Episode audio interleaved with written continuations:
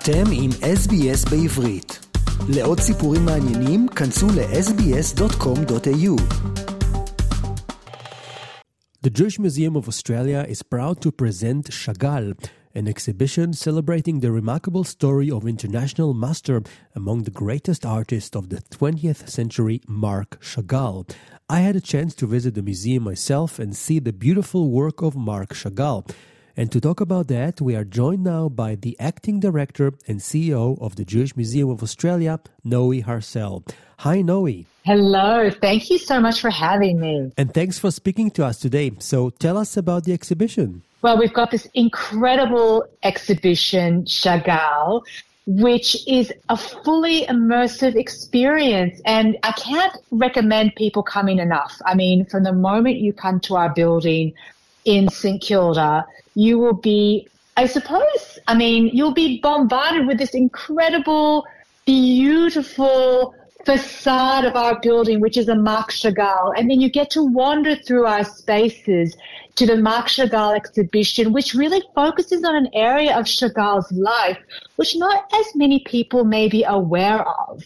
So, I mean, you were able to see the exhibition, and I think you'll agree with me. It was fully immersive. We focused on the printmaking, the poetry, and the public art.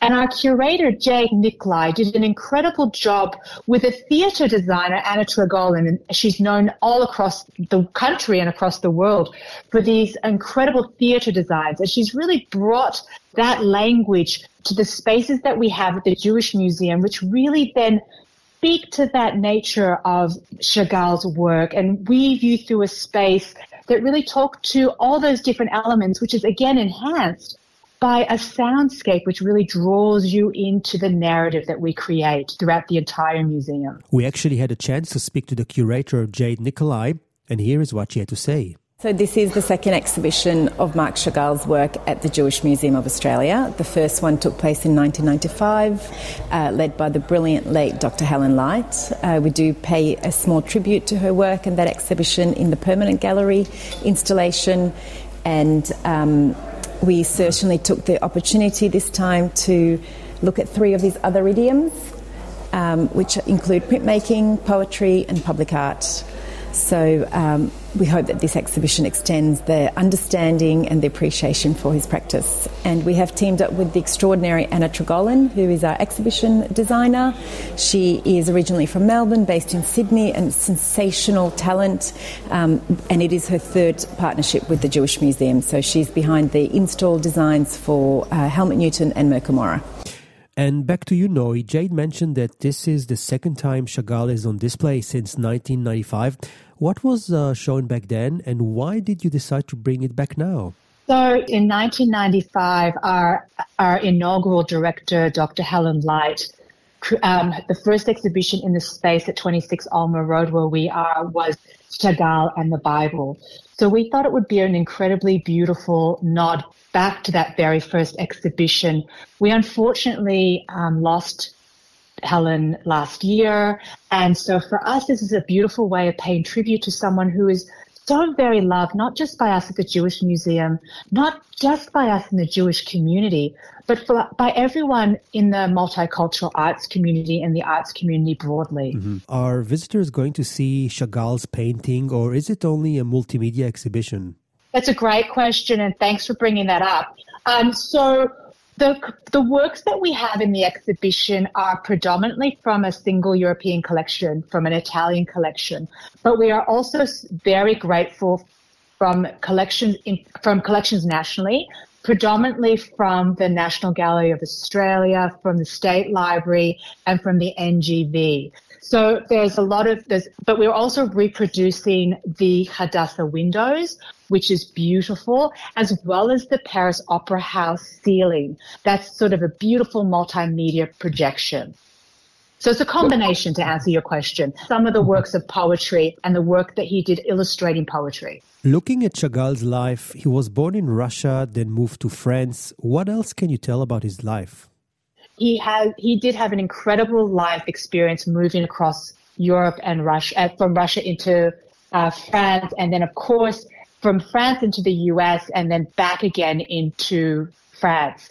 So what he he has a really incredible story of migration. I mean, he lived for almost a hundred years when you think about it. So the amount of history that he as a person embodies. And what's incredibly interesting about Chagall and his story and the way he, he has personified and embodied the art and the arts movement is the fact that he has defined himself and almost surpassed definition of himself as a Jew and a Jewish artist. So there's been so many times where he has embraced and really embodied himself as a Jewish artist. And then there are times when he looked at himself in the European context, particularly while he was in France, and he and he had to sort of move his way out of that, redefining himself in a European context outside of being just the Jewish artist, but wanting to sort of assimilate, not only just for his safety, but also for the sake of his art and his artist recognition. I mean, he was a really clever and astute person and one who wanted to be able to be recognized for his artistic practice as well. I mean, interestingly enough, I was told that, you know, he spoke so many languages.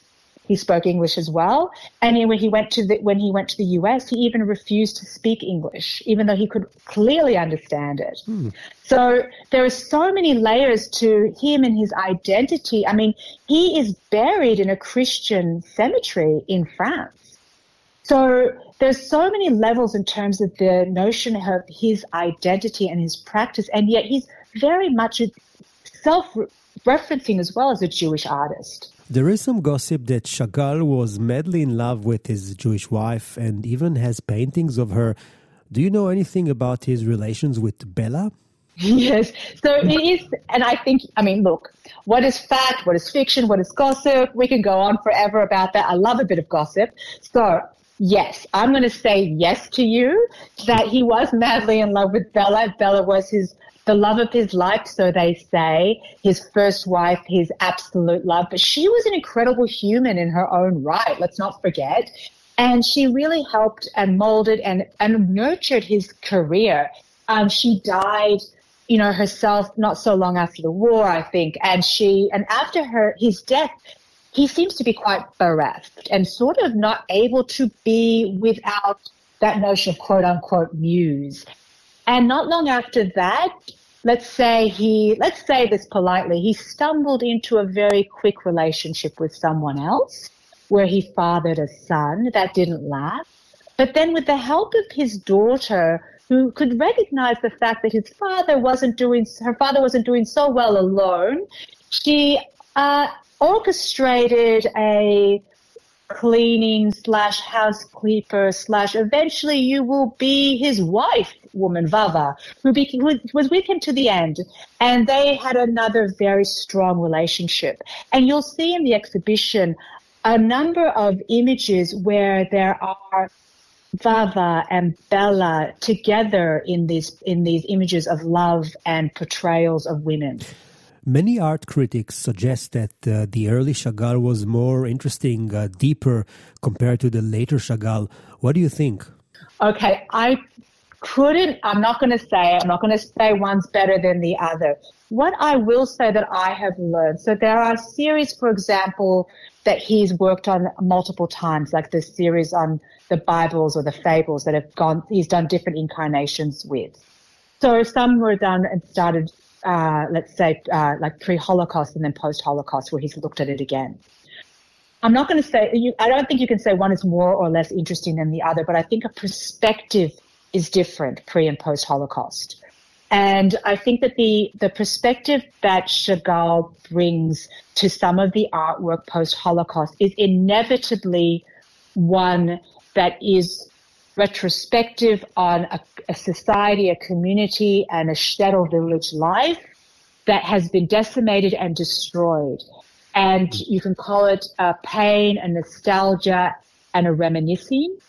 But there is something in there that would not have been there prior to that. Mm. So you're saying that many of his uh, late paintings were like a memorial of the world that was decimated. Yeah, I think that there's I think there's a sensibility in some of the work that he is doing that is definitely tainted and recognized because of what has happened. he lived through this. Like this is his life. It's not a history for him. It is his present. How long will the Chagall exhibit uh, be available for the public? So we're op- we're open until the 10th of December. And while I say that, don't leave it to the last minute. come, come, come. The great thing about what we're doing though with this exhibition is it is immersive throughout the entire museum. I guarantee you, you will go, but you'll think to yourself, ah, I need to come back. I need to see it again. So please don't leave it to the last minute. You will want to come and visit us time and time again. Um, we have a series of a number of great programming that is alongside our Chagall offering. And so I do encourage you to visit our website, jewishmuseum.com.au to make sure that you're able to see all the things that we have going. And for the month of June, we have Saturday night up late. So you can come and see us even in the evening. That was actually my next question. What are some of the other exhibits that the Jewish Museum has to offer? I'm sure there are plenty. Absolutely. I also highly recommend that on the 21st of June to really get a beautiful and immersive understanding of what's happening. We have um, what we're calling Chagall Reflections, which has music and stories, and it will give you this beautiful opportunity to hear not only from the magnificent Jade Nicolai, who is um, the curator of the exhibition, but you'll also have this opportunity to hear musical stylings from Adam Starr and Alex Burkoy playing the guitar and violin. So you'll have this really wonderful opportunity to also hear from playwright and actor Vivian Nugan. So there's a whole series of opportunities to have interpretations of Chagall in that program as well. So there's quite a few things happening that I do encourage you to check out. Simultaneously to this, which I honestly think is really well worth checking out, and we offer it for free thanks to the generosity of Daniel Beeson, is Yvette Coppersmith's exhibition Carnelian. So Yvette Coppersmith is um, a painter who won the Archibald Prize in 2018. She um, has created almost like a response in a way to the Chagall exhibition. It is absolutely breathtaking. It is beautiful and it is another edition in a way that you can understand and interpret a contemporary response to a very established painter. Noe Harsel, acting director and CEO of the Jewish Museum of Australia. Thank you so much for your time and thanks for speaking to us today. Thank you so much for having me. It's such a delight. עקבו אחרינו והפיצו אותנו דרך דף הפייסבוק שלנו.